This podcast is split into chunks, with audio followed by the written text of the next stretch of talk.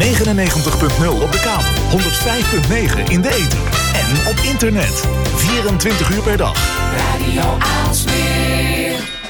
Het is maandag. Tijd voor anders. Tijd voor scherpte en innovatie. Tijd voor blikopende radio. Met Wilg en Lennart. Ja, het is eh, maandagavond. Het is 15 april 2019. Dit is Blikopende Radio aflevering 20.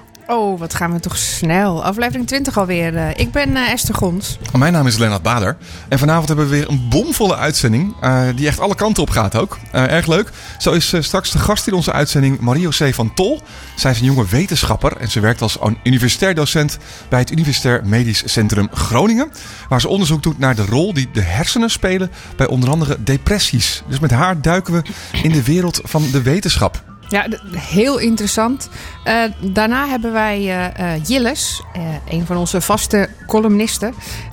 Heel goed in, in security en privacy. En vanavond is hij, zoals hij zelf zegt, Alice. Alice in Wonderland. Nemen we de rode pil of de blauwe pil. Maar Jilles is niet zomaar Alice, hij is Cyber Alice. Oeh, nou dat klinkt wel extra spannend. Natuurlijk hebben we vanavond ook weer de Week van Wilg. Hè, waarin Esther ons bijpraat over wat er afgelopen week is opgevallen. Ja, en dan sluiten we af eh, met Herman Kouwenberg, oftewel het Hermaniak. Die ons bijpraat over LinkedIn, Twitter en het nieuwe Google+.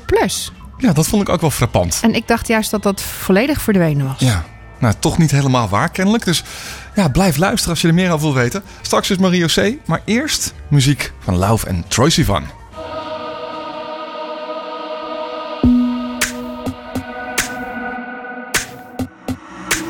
I'm so tired of love songs, tired of love songs, tired of love songs, tired of love. Just wanna go home, wanna go home, wanna go home. Whoa. So tired of love songs, tired of love songs, tired of love songs, tired of love. Just wanna go home, wanna go home, wanna go home. Whoa.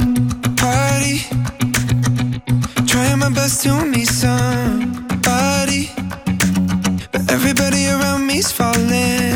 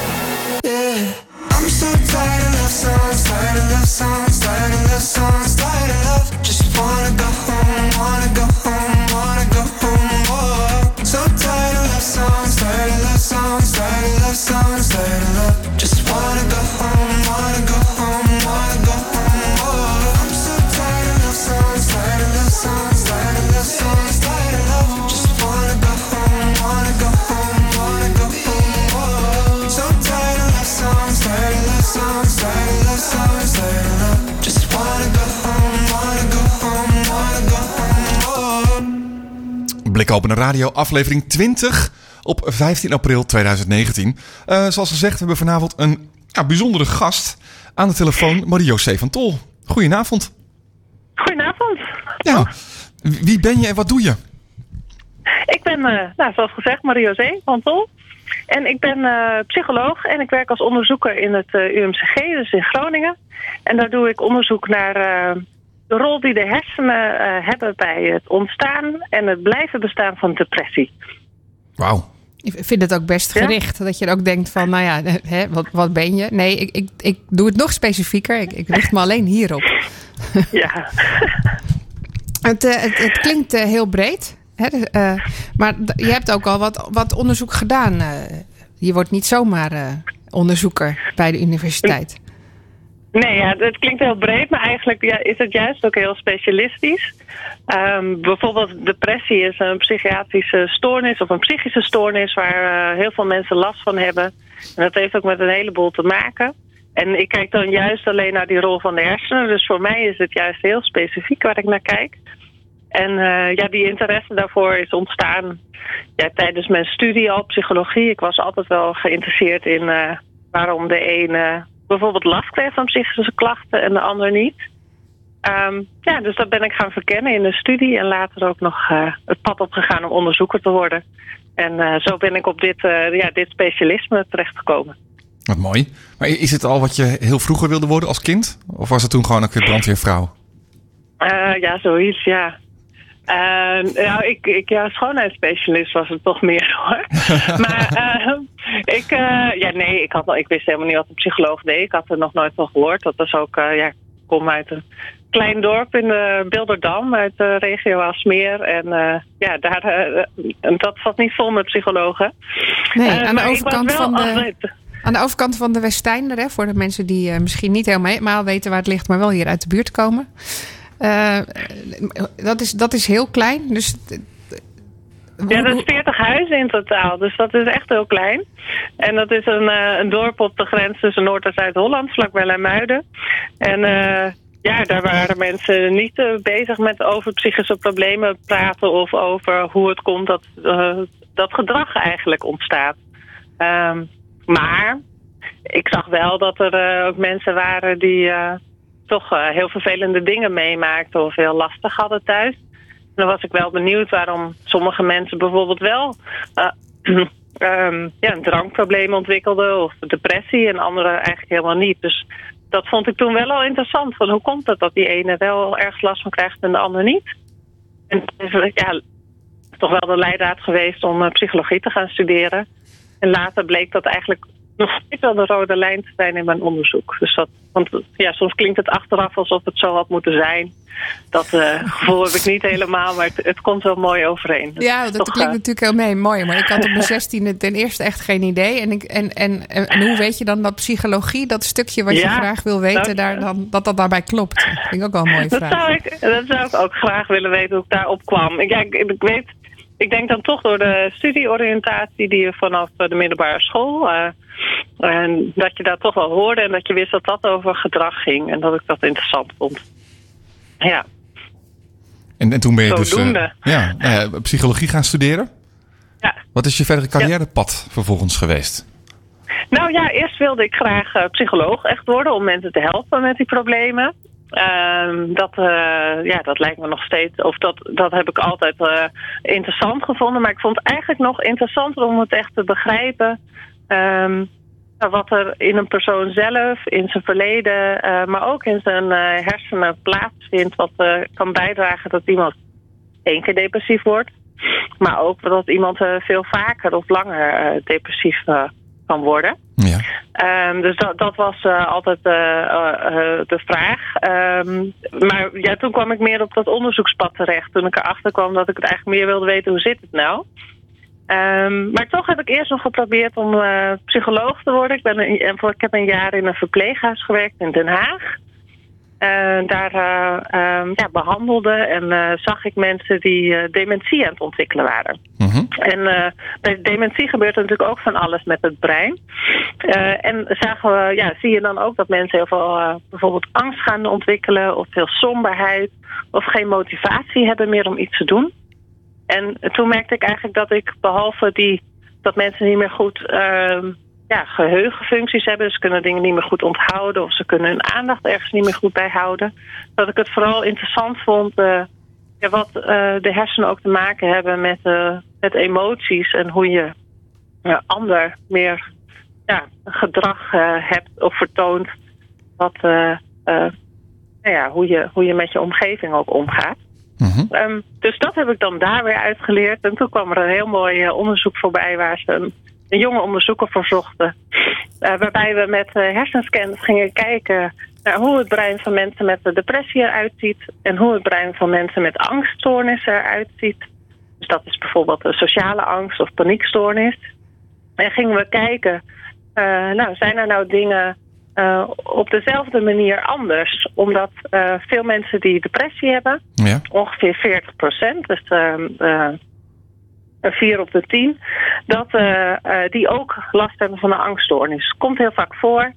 En, ze, en mensen hebben ook vaak baat bij dezelfde behandeling. En daarom wilden we weten, is er ook iets in het brein wat maakt dat, dat mensen dat, nou, daar, daar gevoelig voor zijn om dat allebei te hebben. Ja, ik- En daar kan- kwam het heel mooi samen, die rol tussen eh, de werking van het brein en, de- en de emoties. Want ik kan me het zo voorstellen, kijk, als je het over dementie hebt, dan kun je je voorstellen van nou, dat komt omdat je ouder wordt. En dat is zeg maar fysiek, gebeurt er dan iets in je lichaam, in je hersenen, eh, waardoor eh, nou, ja, iets als dementie kan optreden. Hè, bij depressie, ehm, hè, ik denk dat het voor veel mensen een, een ja, toch een wat vager eh, ja, concept, of hoe, hè, hoe, hoe zou je het noemen, is. Hè, van, maar dat het kan dus ook een daadwerkelijk soort fysieke eh, oorzaak in je hersenen hebben. Of je ziet daar daadwerkelijk, kun je in hersenen zien dat dat eh, meer kans heeft om te ontwikkelen bijvoorbeeld. Nou, dat kunnen we op dit moment eh, niet zien hoor. En het is ook, ik ben het ook niet mee eens. Sommige mensen zeggen dat depressie een, hersenstoornis is. Mhm. Dat dat primair komt doordat iets in je hersenen niet in orde is. Ik denk dat het altijd is doordat je. ehm nou, dus dat er zowel fysieke factoren mee te maken hebben, zo ook, al, dus ook je lichamelijke gezondheid, maar ook bepaalde eh, nou ja, andere lichaamsprocessen en hoe je geleerd hebt om met emoties bijvoorbeeld om te gaan. Ehm, en eh, ja, dat brein speelt daar een rol in. Ehm, die kan maken dat de een wat beter bestand is eh, dan de ander. Dat is wat ik ook probeer te onderzoeken. Maar het is niet zo dat als ik iemand in de scanner zou leggen, dat ik dan aan kan wijzen: oh, daar zit je dep- depressie. Of het is Ah. duidelijk dat je brein beschadigd is. Zo hoef je er helemaal niet over na te denken. Nee. Maar het gaat meer over de subtiele afstemming van hoe goed kan, een, eh, eh, ja, kan je brein eigenlijk sturing aanbrengen op gedrag. Dat kunnen we wel onderzoeken. Ja, dus eh, jij zegt eigenlijk van nou, ik wil- als onderzoeker. eh, in plaats van dat ik nou mensen probeer beter te maken en te helen, probeer ik eigenlijk veel meer achter te komen. Hé, waar komt het nou eigenlijk vandaan? Eh, je wil eigenlijk het, waarom meer snappen, zodat je daar beter op kan, kan inspelen. Ja, ja, ik ben niet zozeer op zoek naar de oorzaak, want ik denk dat dat ja, zo voor ieder persoon, iedereen heeft een eigen verhaal.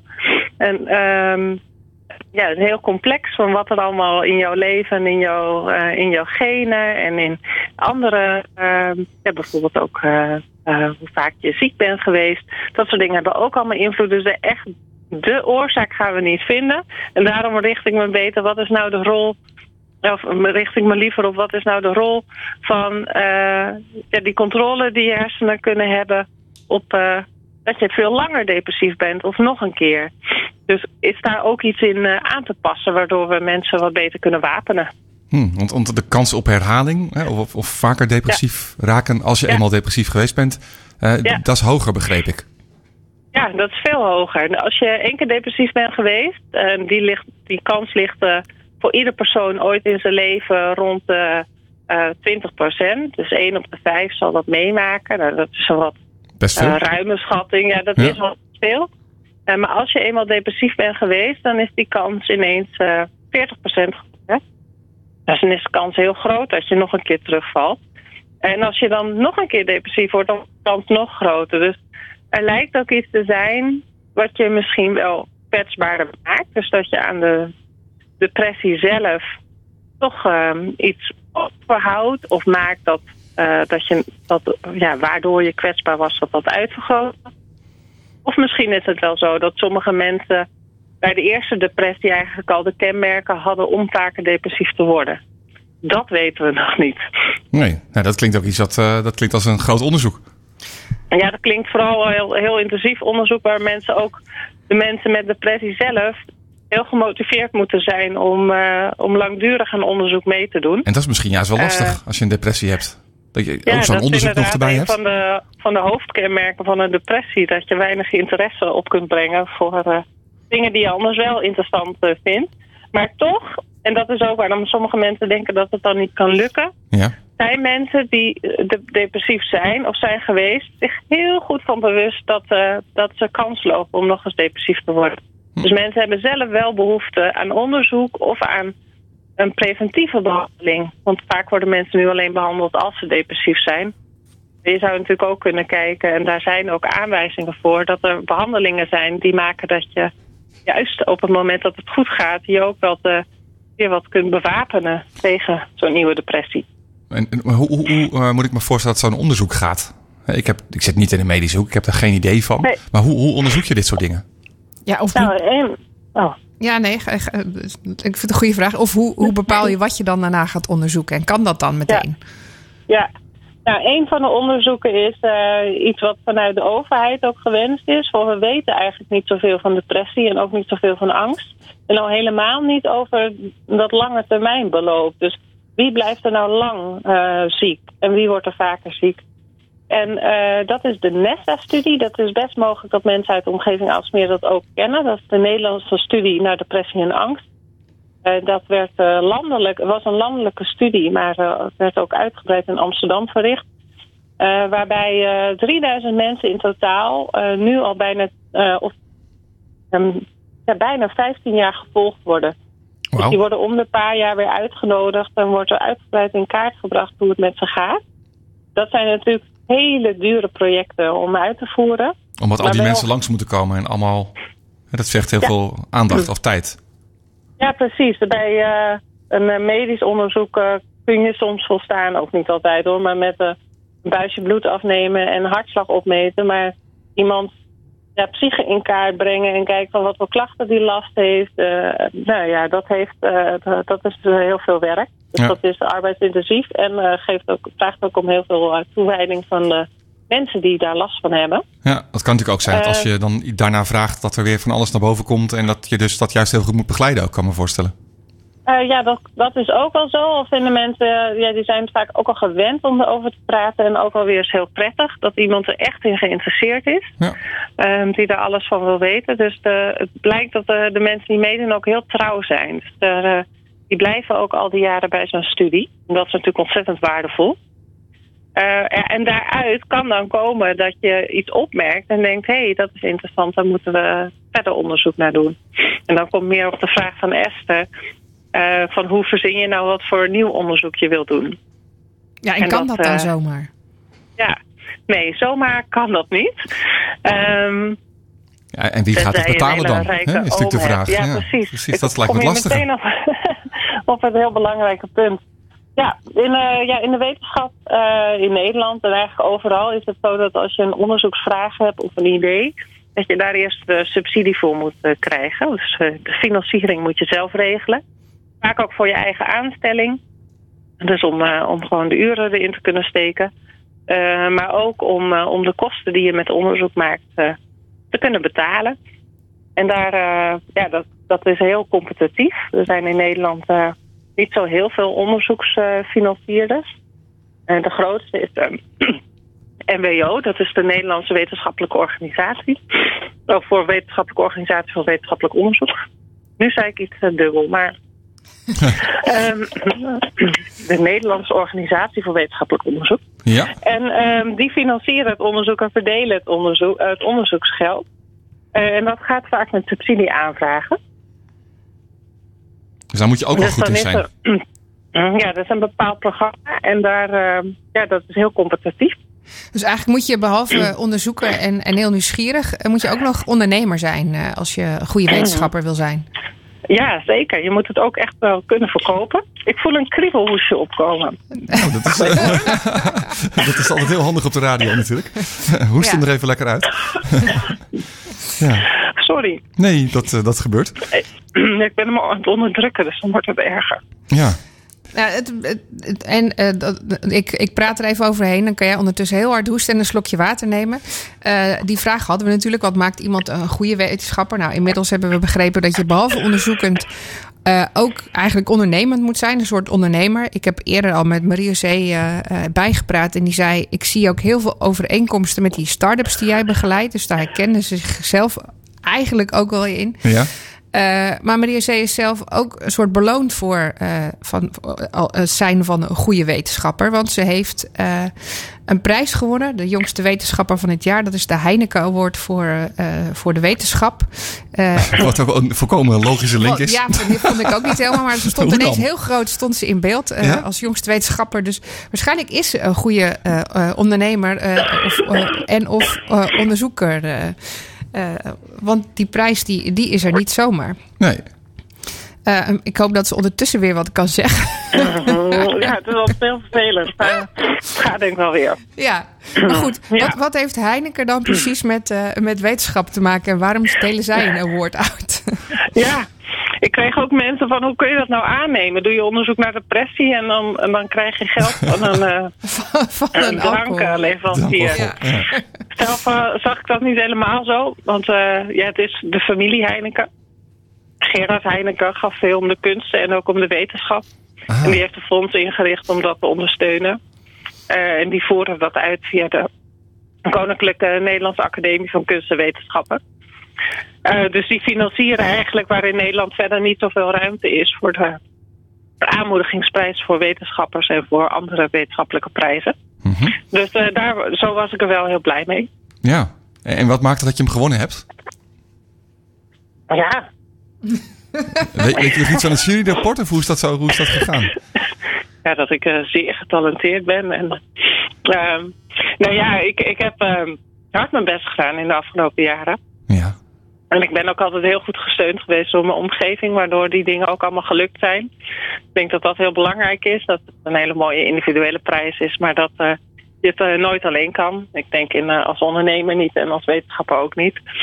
Eh, wetenschapper misschien nog wel minder. Ehm, en dat ik ja, met mijn onderzoek ook de juiste fondsen heb weten te verwerven die als belangrijk worden gezien. Wat ook een soort erkenning van je kwaliteit en hoe innovatief je wetenschap kunt bedrijven. Mhm. Dat zijn factoren geweest, denk ik, die maakten dat ik die prijs heb gekregen. ja. En ook dat ik veel eh, samenwerk met andere wetenschappers uit hele andere vakgebieden. Eh, bijvoorbeeld met een taalwetenschapper. Dus eh, ja, ik probeer ook altijd wel te kijken waar zit de vernieuwing in eh, de onderzoeksmethode die we gebruiken. Want dit was dan speciaal gericht op, op jonge wetenschappers. Ben jij in je vakgebied dan eh, eh, jong? Zijn er, zijn er meer Ja. ouderen dan jongeren eigenlijk? Ja, er zijn heel veel meer ouderen dan jongeren. Ja, ik ben inderdaad nog steeds jong. Dat duurt nog. ehm, nu nog eens zeker vijf jaar. Dan ben ik eh, 43, dus dat is heel prachtig om te weten. En, en dan, dan pas ben je jong af binnen de wetenschap. Ja, het is beter om te zeggen early career. Dus een jonge, vroege fase van je wetenschappelijke carrière. Want ehm, als je ge- gestudeerd hebt aan de universiteit... dan ben je meestal 2, 23 als je klaar bent. Mhm. Als je daar onmiddellijk een promotietraject achteraan doet... dus waarmee je de proeven van bekwaamheid levert... dat je geschikt bent voor de wetenschap... en eh, dat je de dokterstitel krijgt... dan ben je meestal tussen de 28 en 30.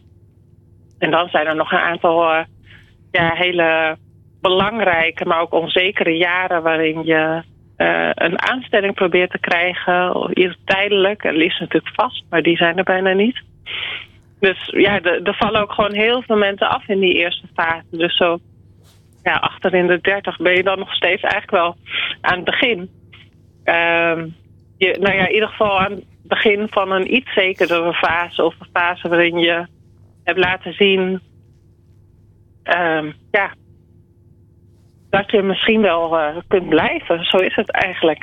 maar het lullige is, Ja. als wat vervelend is, dat ook heel veel mensen zijn die net zo goed zijn, maar die hebben dan weer net niet eh, de kans gekregen. Of die zijn, er zijn zo weinig beurzen, die slagingspercentages zijn rond de 10%. Ja.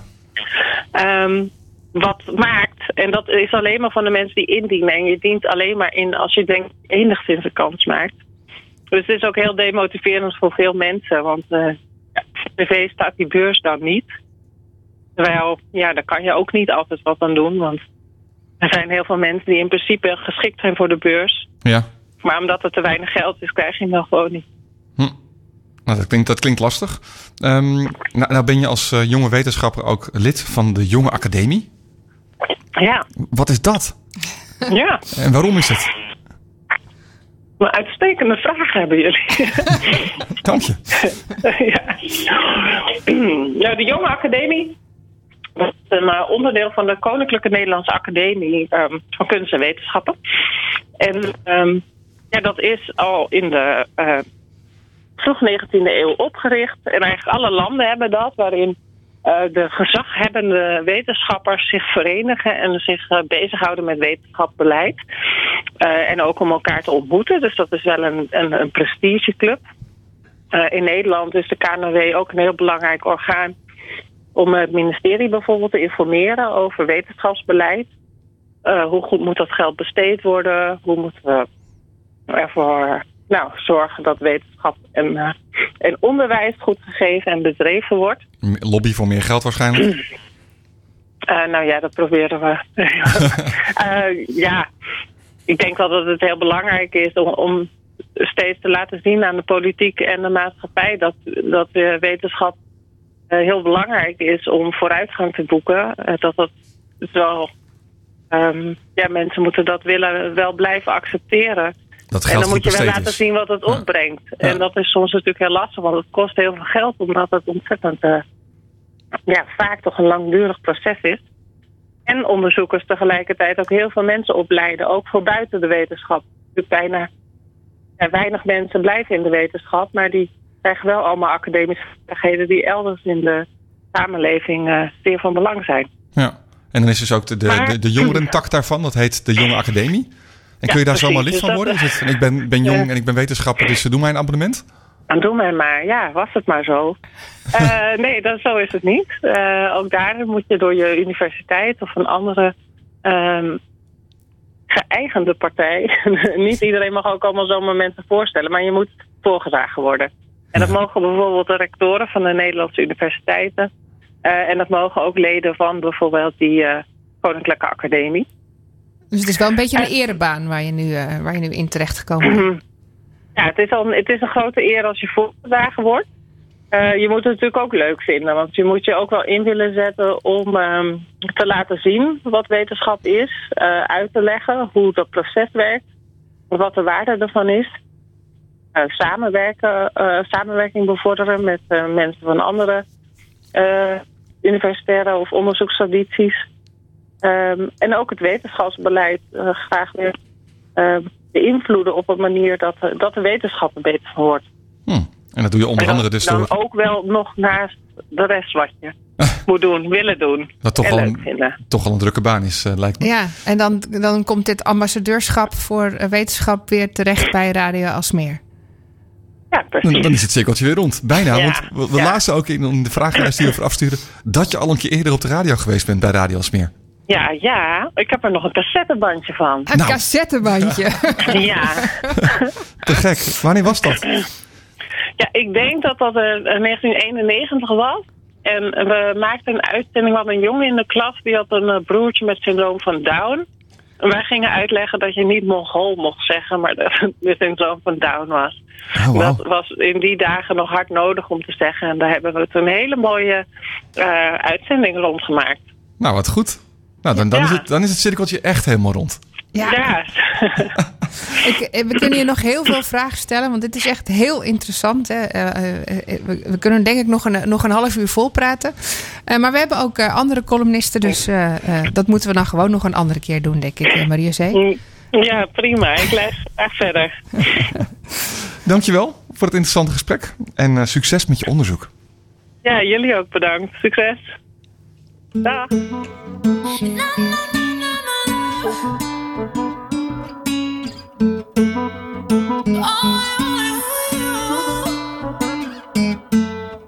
I don't want another night of trying to find another you, another rock bottom. I don't wanna wear another mini dress to impress a potential problem.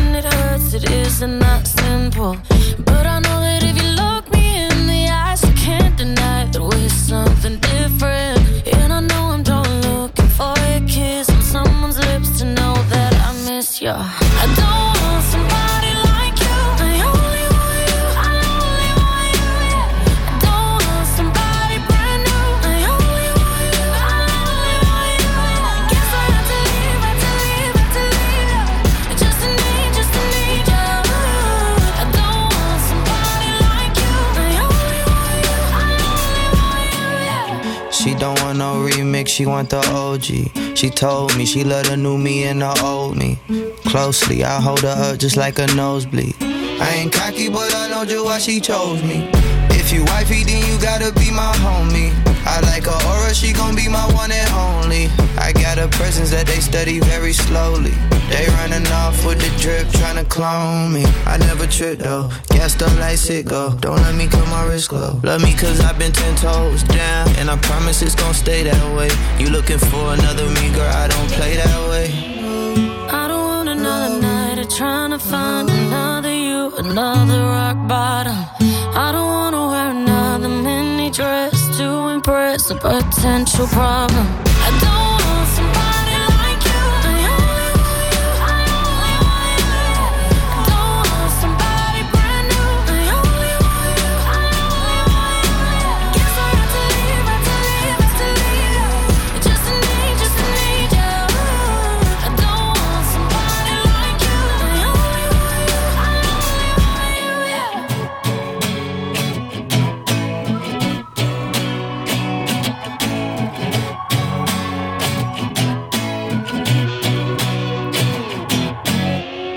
Rita Ora, Only Want You bij Blikopener Radio.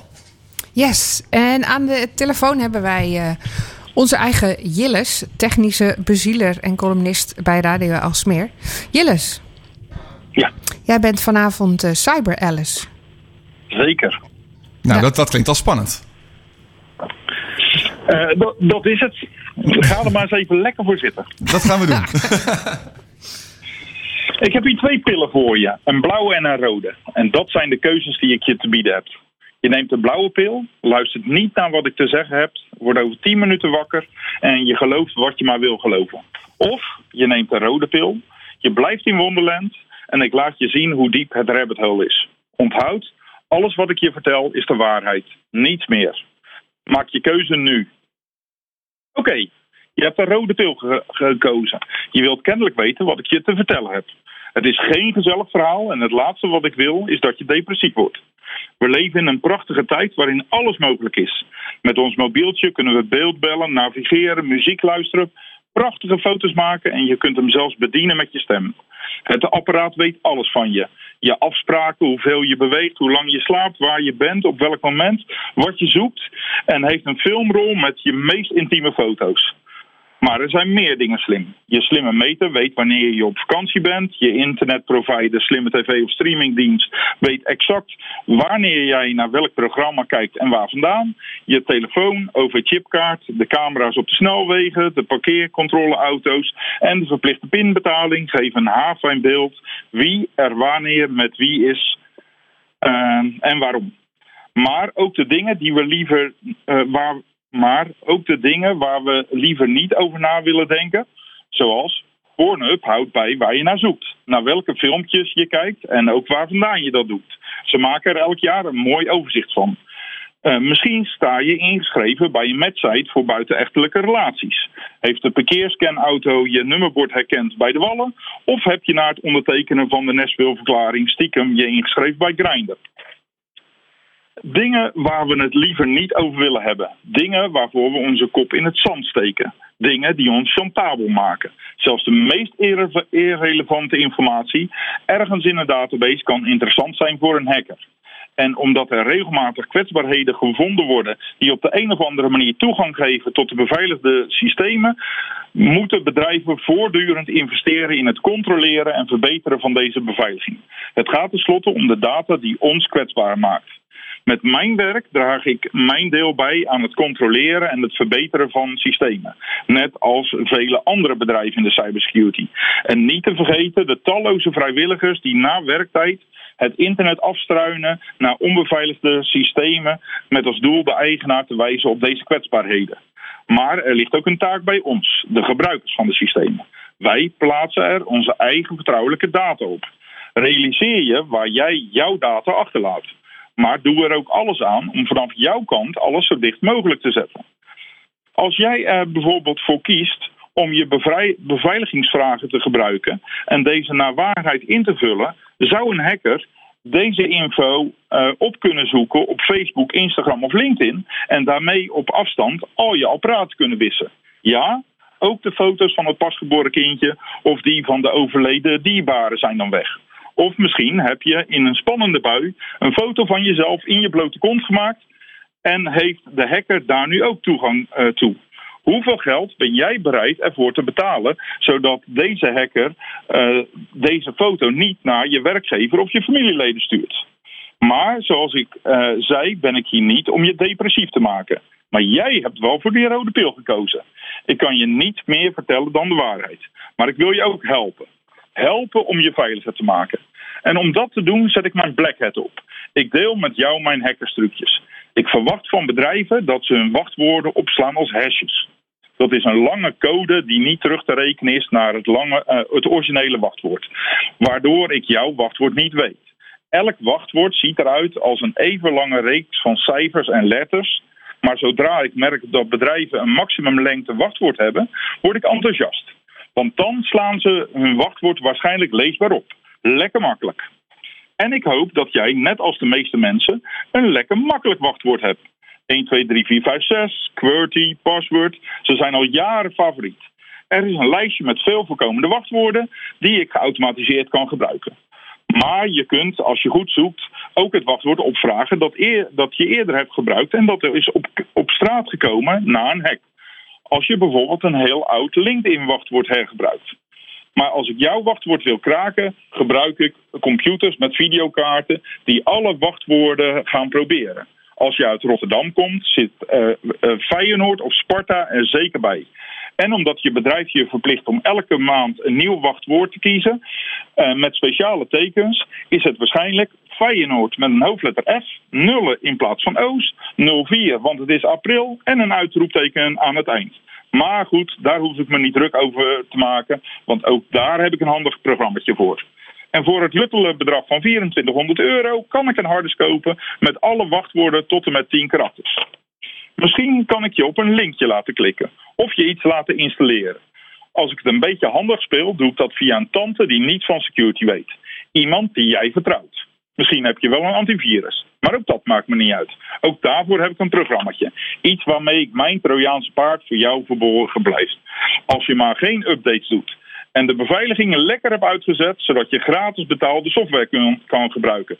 Dat zou top zijn. Want da dan staat de deur wagenwijd open. open. Maar genoeg evil. Ik zet de witte het weer op. Die staat mij toch het beste. Want wat kun je nog meer doen behalve updaten en uh, geen apparaten meer gebruiken uh, die niet meer worden geüpdate? Nou, gebruik een wachtwoordmanager. Ik gebruik uh, de gratis KeyPass en sinds kort OnePassword. Dat is mijn favoriet. Het vertelt je dat je wanneer je je wachtwoorden hergebruikt, waar je multifactor nog niet hebt aangezet, welke sites gehackt zijn, zodat je daar je wachtwoord kunt aanpassen. Er is een integratie met Have I Been Pwned, waardoor je uh, dit niet meer handmatig hoeft te checken. Er zijn extensies, zodat je nooit meer ergens je wachtwoord hoeft in te tikken of te onthouden. Het enige wachtwoord dat je nog hoeft te onthouden is het wachtwoord, of liever de wachtwoordzin, van de manager zelf. Daarna zet je multifactor aan. Multifactor bestaat uit iets dat je weet, bijvoorbeeld je wachtwoord, iets dat je bent, bijvoorbeeld je vingerafdruk, iets dat je hebt, een one-time pincode. En de meeste grote partijen bieden dit al aan. Google Authenticator, Microsoft Authenticator, Audi. Op uh, twofactorout.org kun je vinden wie er wat ondersteunt. Maar vul dan nooit, maar dan ook nooit, de meisjesnaam van je moeder in bij een beveiligingsvraag. Deze kunnen opgezocht worden op het internet. Zet er een random stel woorden in en sla die samen met de vraag op in je paswoordmanager. Sla geen wachtwoorden op in je browser, die zijn makkelijker uit te lezen en zet deze hele mogelijkheid uit. Lok je device, Windows L, Apple L, en zorg dat dit automatisch gebeurt voor als je het vergeet. Zorg ook dat je notificaties, zoals je beveiligings-sms'je, niet zichtbaar is als je telefoon gelokt is. Backup je data op een geëncrypte USB-drive en een plug drive naar de backup. En leg één extra disk bij een familielid. En wissel deze elke maand of elk kwartaal om. En betaal nooit, maar dan ook nooit ransomware. Kijk op nomoreransom.org, want zij kunnen je vaak helpen met het ontsleutelen van de computer. En binnenkort gaan we weer op vakantie. Gebruik geen zaken in een internetcafé of camping wifi waarvoor je geen multifactor aan hebt staan. Of wijzig je wachtwoord nadat jij weg bent. Ik hoop dat jullie jezelf en je omgeving met deze inzichten een stuk veiliger kunnen maken. Wauw. Goed verhaal, eh, Jilles. Ja, ik zal ook even applaudisseren. Dus En, en ik dacht, Hey. ik dacht, ik heb alles, maar er zitten toch nog tips in van ik, dat ik denk, oh ja, natuurlijk, dat, dat, dat sms'je dat zegt, als je inlogt, heb je ook deze code nodig. Dat kan je bij mij nog gewoon zien op mijn locked screen. Dat kun je uitzetten, hè? Ja, nee, Ja, maar daar had ik niet eens over nagedacht. Dat Ja. ga ik nu meteen doen. Ik dacht dat ik helemaal klaar was. Ik denk, ik weet alles. En die, en die, die disk bij familielid vind ik ook nog wel een leuke. Ja, als je huis afbrandt is dat erg handig. Ja, Zeker. dat is waar. En, eh, en, Ja. maar, en, en kantoor en huis, is dat dan ook genoeg? Nou ja, als het fysiek op een andere plek ligt. Ja. Oké. Dus dat hoeft niet per se bij een familielid. En al- als je zorgt dat je wachtwoord geëncrypt is, ja, BitLocker of eh, eh, datgene wat Apple ondersteunt, maakt het ook niet uit waar die ligt. Nee, dat is waar inderdaad, ja. Ja. Nou, wat een, eh, wat een goede tips allemaal. ja een vlo- vlo- vloedgolf aan wijsheden. Ja, Ja. je moet hem nog maar even op halve snelheid terugluisteren. Ja, misschien nog ook even, eh, even eh, eh, want je had twee linkjes genoemd. Eh, het derde linkje had ik nog even, die noemde je ook, hè, Fabian Pound. Dat noemde je in dat er daar een integratie Ja. is met, met One Password. Dat is ook een handige site misschien om nog even bij jou eh, tips te noemen. Ja. En two-factor-out.org die laat zien waar je welke ehm, eh, two-factor eh, kunt aanzetten. Ja. Ja, helemaal geweldig. Nou, Ik denk dat mensen het inderdaad gewoon even drie keer moeten luisteren en dan denken: wat kan ik zelf nu ook doen om, me, om mezelf beter te beveiligen? Exact. dankjewel Jilles. Als mensen jou willen volgen, hoe doen ze dat? Eh, op Twitter, Jillis en de Hartstikke mooi. Dankjewel. Gaan we naadloos over naar de Week van Wilg. Ja, en eh, daar heb ik over na zitten denken. Ik denk dan hebben we een hele uitgebreide sessie van Jilles. En we gaan zo meteen natuurlijk ook gewoon Hermaniak even bellen. Eh, nu kan ik allemaal nieuwe dingen eh, op, denk ik kan allemaal nieuwe dingen opzoeken. Ik heb natuurlijk altijd de laatste nieuwtjes van wat is er nou te, te vinden op, op innovatiegebied. Ja, maar ik ben vorige week naar een event geweest. Daar stond ik op het podium. Dat heet Innovators. nou, En toen dacht ik, misschien moet ik eens delen Dat was in wat- Parijs. wat ik zelf daar nou geleerd heb in Toch? Parijs. Dat Ja. was in Parijs, ja. Eh, de rit daarheen was, was sowieso al leuk, want we gingen met eh, de nieuwe Tesla Model 3 eh, op autopilot over de rotonde van L'Arc de Triomphe. oh, echt. dat was best spannend. Dat was heel spannend. Naar het, naar het congrescentrum, wat, wat letterlijk naast de Eiffeltoren zat. Dus dat alleen al vond ik heel innovatief. Ja, tuurlijk, ja. Eh, maar goed, eh, daar, daar zijn dus eh, op het congres waren allemaal bedrijven en mensen binnen die bedrijven die heel graag willen innoveren. En dat is een beetje een, een, een hip woord gevonden, eh, geworden eigenlijk. Eh, ik zag allemaal mensen vertellen, je moet het zo doen... of je moet eh, de double diamond gebruiken... of je moet dit ding gebruiken. En als je wil innoveren, dan is dit de juiste manier. Er zijn heel veel mensen die dat stonden te vertellen. En je zag eigenlijk ook heel veel bedrijven rondlopen... met steeds veel meer vraagtekens. En al die mensen die, die schrijven op wat ze allemaal zouden moeten doen om te innoveren. ja. En, en je ziet ze alleen nog maar denken van we moeten nog heel veel doen. Het zijn, we moeten al die lijstjes afmerken. Eh, dus ik stond daar en ik zei ja, jullie hebben het eigenlijk heel zwaar. Want jullie moeten zoveel doen. Maar waarom wilde je nou eigenlijk innoveren binnen je bedrijf? En die vraag was eigenlijk heel interessant voor de meeste mensen. En Want ze hadden allemaal andere redenen. ja. En toen zei ik ja, en als je nou allemaal andere redenen hebt, denk je dan dat de methode om te innoveren of de dingen die je doet om te innoveren hetzelfde kunnen zijn? En dat het grappige was dat dat helemaal nieuw was voor die mensen. Dat je dus eigenlijk nooit. Het, het- de innovatie is veel te veel in één woord. Je moet eerst bedenken wat je nou wil bereiken voordat je weet wat je kan doen. En dat was eigenlijk mijn grootste, grootste les daar. Eh, bij innovators. En dat het allemaal eh, eigenlijk afhangt van de mensen die je daarvoor gebruikt. Van die mensen die echt de passie hebben om iets te willen. Die openstaan voor anderen en daarvan willen leren. Ja. En dus open, ook openstaan om te vertellen wat er nou fout gegaan is. Dus dat vond ik ook wel eh, een hele mooie daar. Hmm. En, dat, en, en als je dat durft te delen, dan kun je andere mensen helpen. Maar als je de hele tijd zegt van nee, nee, nee, wij kunnen alles zelf en we kunnen het heel goed. Dan kom je eigenlijk ook niet verder. Nee. En, en dus mensen die een soort standaard lijstje proberen af te werken van oh, ik moet innoveren, dus dan moet ik daar en daar en daar aan denken. Ja, omdat iemand heeft gezegd dat dat zo is. Dan, doen we, dan moeten we dat ook maar doen. De Eh, innoveerhandleiding. Ja, zoiets. ja, dat werkt ook niet. Dus ik denk eigenlijk dat openstaan, eh, durven delen van wat nou echt eh, verkeerd ging of niet goed gaat. Dat dat veel meer helpt dan te denken van nou, het gaat, het gaat allemaal goed. Ik ga niet tegen anderen vertellen hoe het echt gaat. En blijkbaar moet ik dit lijstje afwerken. Want dan denk je niet na over wat je nou echt wil Dan bereiken. ben je innovatortje aan het spelen in plaats van dat je het bent. Ja, zoiets. Misschien. Innovatie, ja. Toch? Dan heb je zo'n recept met zo'n checklist, maar dan wordt het nooit echt een lekkere taart, denk ik. Want er zit geen passie in. Zelfs niet in, in, in Parijs. Nee. Nee, Hmm. nee. Dus ik denk dat dat wel eh, een hele mooie learning was. En dus heb ik ook op de laatste ochtend, eh, waar we eigenlijk met elkaar allemaal ehm, eh, waren, in plaats van met, het, met het, het hele event, waren iets van 300 mensen. Op de laatste ochtend waren daar eh, 40 in een groep gezet. Eh, om een soort van, ja, dat heette dan een unconference te doen. Maar dat, dat, de insteek was dat als je eh, echt iets wil leren, dan betekent dat je eh, ook dingen moet delen.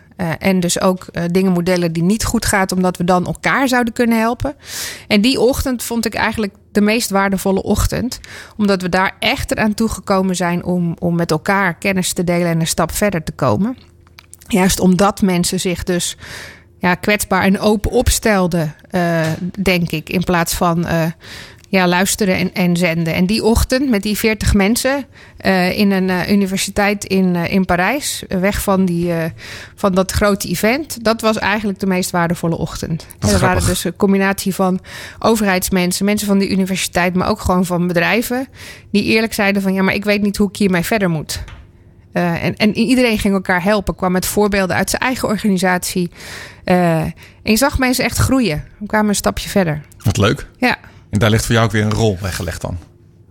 Nou ja, ik, eh, als een rol zie ik, zie ik eigenlijk dat ik denk van nou, dat deden wij vroeger met startups ook elkaar helpen. Zo zijn we in de tech scene tien jaar geleden eigenlijk begonnen en verder gekomen. Ja? Misschien moeten we dat weer creëren voor, voor, voor corporate innovators. Misschien moeten we dat. Ja, dat moet je dan denk ik wel helpen. Want dat is misschien niet van nature zo eh, bij eh, corporates. Maar misschien moeten we dat wat meer voeden binnen, binnen het Nederlandse ecosysteem. Nou, mooie inzichten. Ja. Ja. Ah, ja, ja, ja. Nuttige trip naar Parijs. Eh, helemaal goed, dankjewel. Ehm en zo gaan we ook weer naadloos door. Nou ja, het toetje van de week, eh, eh, zoals dat altijd uh, poogde te roepen. Herman, Jak. Herman, goedenavond. Goedenavond, Lennart en Wilg. Hoi. Jij, Ja, eh, het is leuk dat jullie mij altijd een toetje nemen, noemen, terwijl ik nooit toetjes eet. nou ja, zo, dat, dat weet die luisteraar natuurlijk niet. Nee, tot, tot we, nu. we, we kunnen ook nu niet meer anders. Nu ben je dat gewoon. Ik, ik, eh, ik, ik draag hem als een geuzennaam. Nou, je hebt een, eh, een aantal interessante onderwerpen vanavond volgens mij, Herman. Ja, we, we, we gaan eh, eh, we komen dadelijk wel op Twitter terecht, maar eh, we, gaan de meeste tijd besteden aan LinkedIn. Want LinkedIn is heel erg hard aan het werk. Eh, een tijdje geleden eh, kreeg je al LinkedIn video. Eh, er is nu sprake van dat binnenkort LinkedIn Live komt. En eh, er zijn ook al mensen die het hebben over LinkedIn Stories. Dat die LinkedIn eh, Live? gezien zijn. Echt? Ja. Wauw. Maar eh, dat, dat is nog niet eh, met screenshots en dergelijke ondersteund. Maar wa- waar we al wel eh, beeld van hebben, zijn LinkedIn Reactions. Je kent de reactions van, eh, in de, van Facebook. Eh, op Instagram schijnen ze nu ook eh, te gaan komen. Maar op LinkedIn zag ik er een voorbeeld waarvan ik dacht van... Ja, ja, dat zou eigenlijk best wel kunnen. En, en leg eens uit, wat bedoel je precies met reactions? Want dat zijn niet de Nou, comments we hè, op de Facebook. like-knop hè, op LinkedIn, eh, die, die je kunt gebruiken naast comment en share. Ja. Dat is zo'n duimpje. Maar op eh, Facebook heb je daar meerdere opties voor. En op LinkedIn gaan die opties ook komen. Je krijgt naast het duimpje krijg je eh, klappende handjes, celebrate, een hartje voor love. Nou, die vind ik nog een beetje... Niet zo zakelijk, Maar de twee laatste, die vind ik wel heel relevant. Want er komt ook een lampje, insightful. Nou, die, die vind ik op LinkedIn wel op zijn plaats. eh, Ja. In het kader van content marketing. Om iemand eh, te laten weten van... hé, hey, dit eh, wat je nu deelde gaf mij inzicht. Oeh, die ga ik En- sparen. Ja. Ja, hè? Ja. maar de laatste is nog leuker. Zeker als je zakelijk LinkedIn gebruikt, waar LinkedIn voor bedoeld is. En dat is curious. Het triggert je interesse. Want als iemand reageert, eh, als jij iets deelt en iemand reageert erop eh, met: hey, ik, ben, ik word daar verwonderd door, eh, ik, ik, ik stel me vragen daarover. Dat is natuurlijk een hele mooie manier om eh, via LinkedIn op een, eh, ja, zeg maar op een commentaar of iets dergelijks, op, op een laagdrempelige manier, het gesprek te openen van: nou, kan ik je dan misschien helpen? Wat, wat voor vragen heb je hierover? Dus dat vond ik eigenlijk wel een leuke die je erbij kunt gebruiken. Maar dat is niet alles. Dat is alleen nog maar reactions. En eh, Social Media Today eh, vertelt ons dat er een hele hoop nieuwe andere aankomen.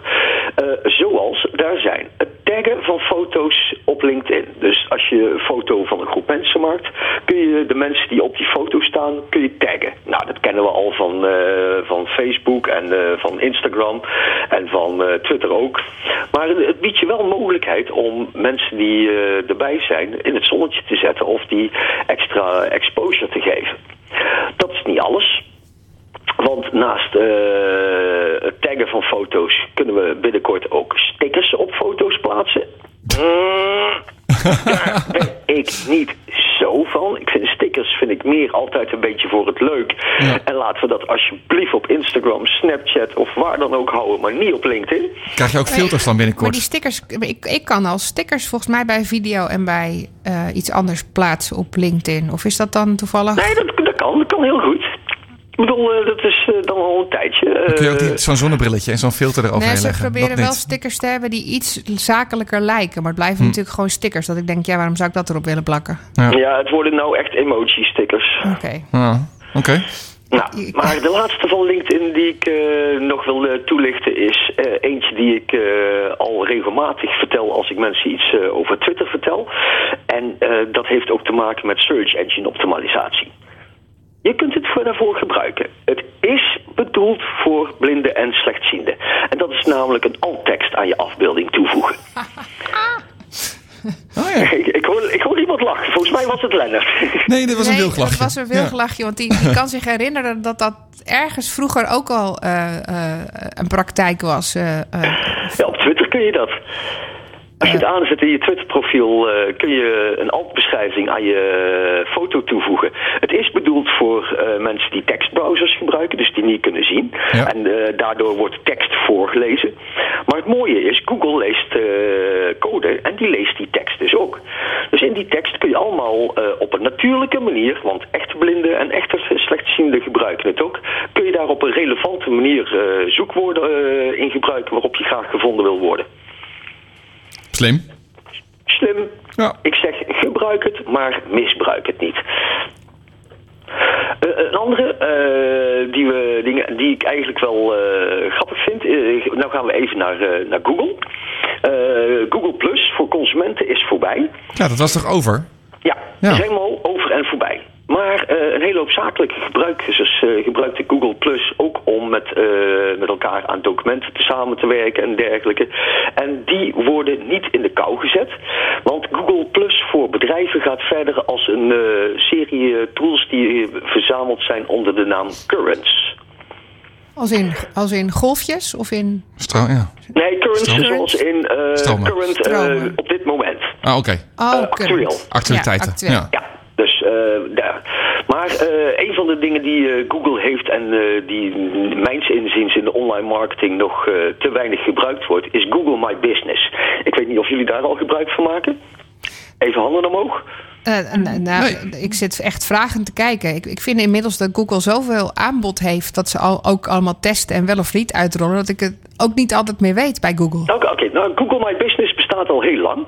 Eh, of al een tijdje, laten we het zo eh, niet heel lang, eh, denk het anderhalf, twee jaar. Als je op Google naar je eigen bedrijfsnaam zoekt, dan zie je aan de rechterkant zie je een groot vlak waarin allerlei informatie over jouw bedrijf staat. De openingstijden, of je, of, of, of je een parkeergelegenheid bij in de buurt hebt. Is allemaal informatie die Google overal op het web vindt en dat bijeenbrengt omdat het allemaal over datzelfde bedrijf gaat. In, in ons geval kijk je er naar, naar je eigen bedrijf. Eh, maar het is heel mooi. Je kunt er namelijk, als je blogt, kun je daar ook je blogpost tussen zetten. Dus niet alleen maar publiceren, maar je kunt ook eh, de eerste alinea kun je op eh, Google My Business plaatsen en die komen er dan ook bij te staan. Nou is Google My Business dus een, een tool waar redelijk veel, steeds meer mensen gebruik van gaan maken als ze naar bedrijven op zoek zijn. Dus je wilt ook graag, tenminste ik ben ook van de cijfertjes, dat weten jullie ook. Dus ik, ik wil ook graag weten van nou, hoe goed werkt dat dan, eh, dat Google My Business? En eh, wat, wat eh, gebruiken mensen wel en wat gebruiken mensen niet? Nou hebben jullie me al eens een keer eerder horen praten over de app Metricool om te monitoren van je social media. Die doet in de, de gratis variant, eh, laat hij je zien hoe het met je website gaat. Dan koppel je Google Analytics. Hoe het met je Twitter-account gaat, hoe het met je Facebook profielpagina gaat, maar ook je zakelijke pagina. Eh, hoe het met je Instagram-account gaat, inclusief hoe je stories het, op Instagram doen. En sinds vorige week ondersteunt het nu ook Google My Business en Google Ads. Dus dit is allemaal nog gratis, hè, wat ik tot nu toe genoemd heb. De enige waarvoor je moet betalen bij Metricool is als je je LinkedIn-profiel eraan wil koppelen.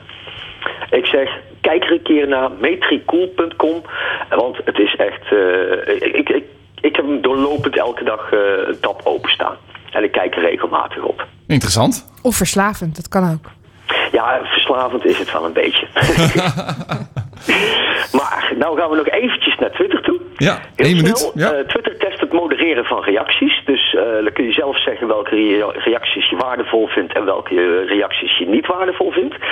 De reacties die je niet waardevol vindt verdwijnen niet, maar die worden een beetje gedownplayed. Eh, Twitter is ook weer eh, verder gegaan eh, tegen het, ja, het- te veel automatiseren van Twitter-accounts.